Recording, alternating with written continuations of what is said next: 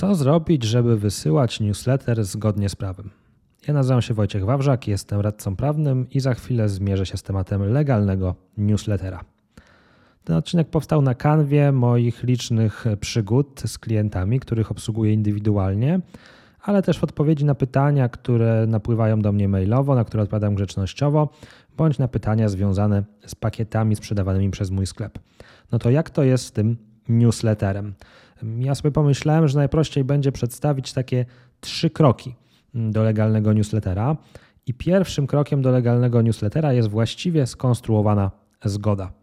Newsletter najczęściej zawiera informacje marketingowe. Po to prowadzimy newsletter, żeby móc coś kiedyś komuś sprzedać. Swojego e-booka, swój kurs online, swoją książkę, czy jakikolwiek swój inny produkt czy usługę. W związku z tym, jeżeli newsletter to marketing, to na marketing musimy mieć zgodę. I bynajmniej ta zgoda nie wynika z RODO, bo marketing można byłoby oprzeć na prawnie uzasadnionym interesie realizowanym przez administratora.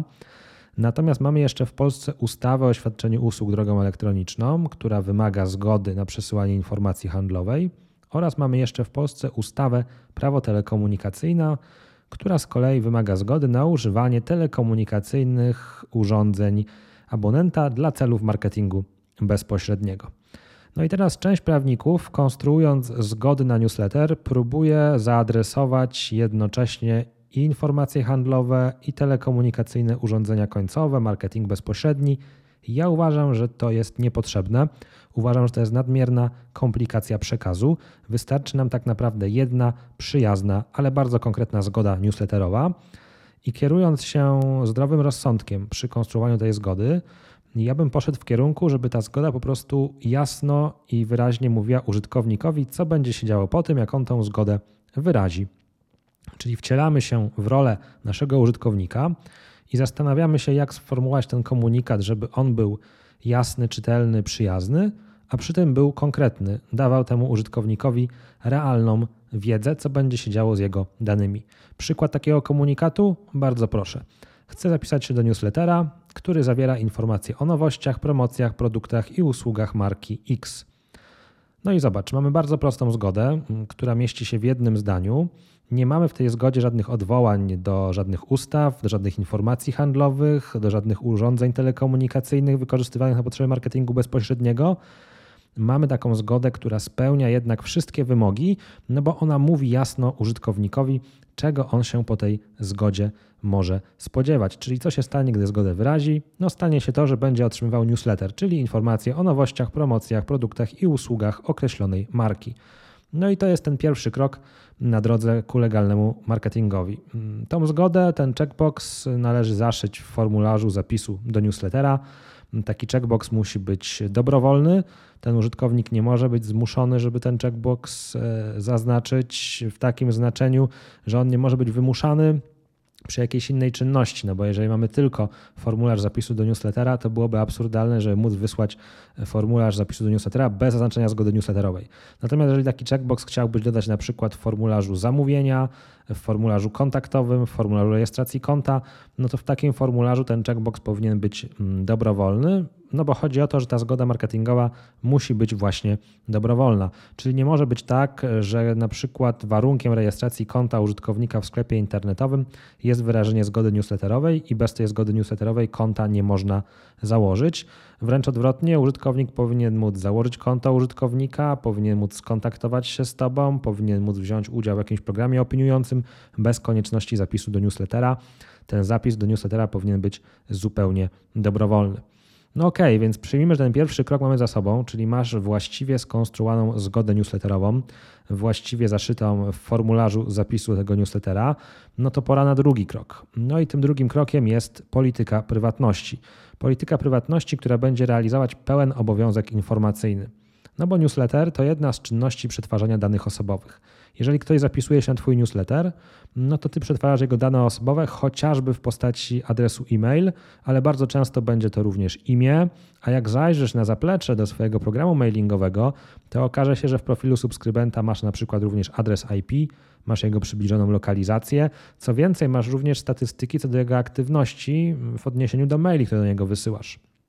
Czasem idzie to wręcz dalej, bo tworzymy sobie jeszcze jakieś segmenty, segmentujemy tych odbiorców, wysyłamy różne komunikaty w zależności od tego, do jakiego segmentu użytkownik przynależy i to wszystko w połączeniu z adresem e-mail e, użytkownika, subskrybenta są to dane osobowe.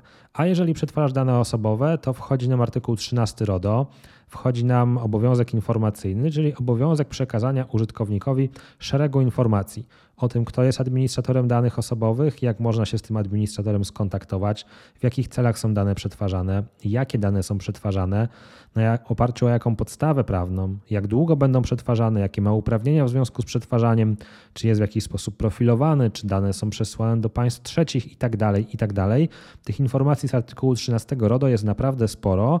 Dlatego ta polityka prywatności. No bo zobacz, mógłbyś cały ten obowiązek informacyjny zrealizować już na stronie zapisu do newslettera, ale wyobrażasz sobie formularz zapisu do newslettera, w który jest wyposażony w kilkunastowierszową klauzulę informacyjną? No bez sensu. Dlatego tworzymy politykę prywatności, która jest tak zwaną drugą warstwą obowiązku informacyjnego. Tą pierwszą warstwą jest formularz zapisu do newslettera, bo w tym formularzu zapisu do newslettera oprócz tego checkboxa i oprócz tej zgody newsletterowej dodajesz krótką informację, że dane są przetwarzane na zasadach opisanych w polityce prywatności. I potem ktoś, kto kliknie w tą politykę prywatności, może zapoznać się z pełnym obowiązkiem informacyjnym. Więc polityka prywatności tak naprawdę nieodłączny element mailingu, no tym bardziej, że ten newsletter, mm, zapisy do tego newslettera gromadzone są za pośrednictwem jakiejś strony internetowej. No a każda strona internetowa też powinna mieć swoją politykę prywatności, no bo chociażby ma jakieś pliki cookies, ma na przykład Google Analyticsa, ma Facebook Pixela, ma jakieś inne kody remarketingowe. No jeżeli użytkownik zapisuje się do newslettera z poziomu takiej strony, to ta polityka prywatności nie tylko powinna uwzględniać wątek związany z newsletterem, ale również wątek z tymi wszystkimi narzędziami śledzącymi związany. Także mamy sobie dwa kroki do legalnego newslettera, właściwie zaprojektowaną zgodę newsletterową oraz politykę prywatności. I takim trzecim krokiem, niby oczywistym, ale niekoniecznie, mm, jest to, żeby użytkownik mógł z tego newslettera się wypisać. Tak samo prosto, jak prosto się zapisał. Czyli jeżeli ktoś mógł się zapisać do newslettera poprzez stronę internetową, no to powinien również jakimś jednym, maksymalnie dwoma kliknięciami móc się z niego wypisać. Dlatego dobrym praktyką jest to, żeby w każdej wiadomości wysyłanych w ramach newslettera znajdował się link, za pośrednictwem którego można się wypisać z newslettera. No i uwaga ważne, po tym kliknięciu w link faktycznie to wypisanie powinno nastąpić. Mm, chodzi o to, że jak ktoś faktycznie zrezygnuje z tego newslettera, żeby dalej go już nie otrzymywał, bo czasem zdarza się tak, że niby projektujemy możliwość wypisania się z newslettera, ktoś klika, że się wypisuje, no a tak naprawdę w żaden sposób się nie wypisał, bo maile dostaje nadal.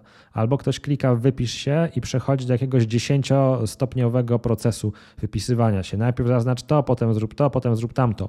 No nie, wypisanie się z newslettera powinno być tak samo proste jak zapisanie się do niego, dlatego zachęcam, żeby rzeczywiście w każdej wiadomości wysłanej w ramach newslettera taka, taki link do wypisania się z tego newslettera był dostępny i żeby ten link faktycznie realizował to usunięcie użytkownika z newslettera. No i pamiętaj oczywiście, że to nie jest tak, że jak ktoś rezygnuje z newslettera, to masz koniecznie obowiązek usunąć jego dane, bo jeżeli właściwie zaprojektujesz swoją politykę prywatności, wracając do tego kroku numer dwa, no to w tej polityce prywatności wskażesz na przykład, że rezygnacja z otrzymywania newslettera nie oznacza jeszcze usunięcia danych z systemu mailingowego, bo te dane zostaną tam chociażby po to, żebyś mógł w przyszłości udowodnić, że wysłałeś ten newsletter zgodnie z prawem, czyli że ktoś się zapisał, kiedy się zapisał i kiedy zrezygnował, i że newsletter był wysłany tylko w tym okresie, kiedy faktycznie był zapisany, był aktywnym subskrybentem. Także pamiętaj, żeby ta polityka prywatności nie koncentrowała się tylko na wysyłce newslettera, ale również na przetwarzaniu danych po zrezygnowaniu z otrzymywania newslettera.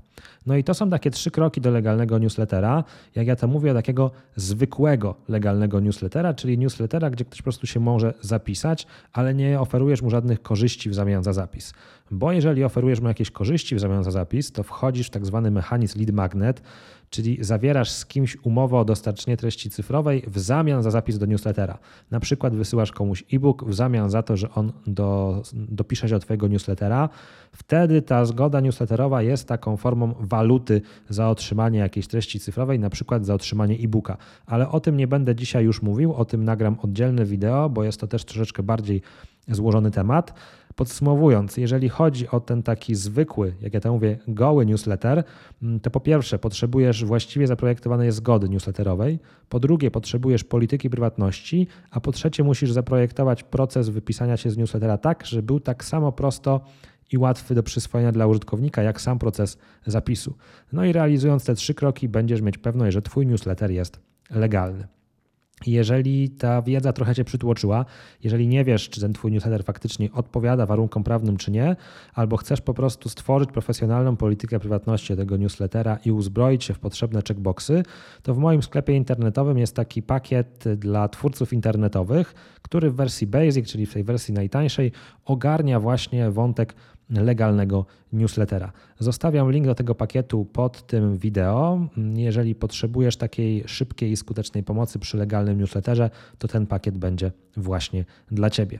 To wszystko na dzisiaj. Wielkie dzięki za uwagę. Trzymaj się ciepło. No i powodzenia z Twoimi działaniami marketingowymi realizowanymi w ramach newslettera.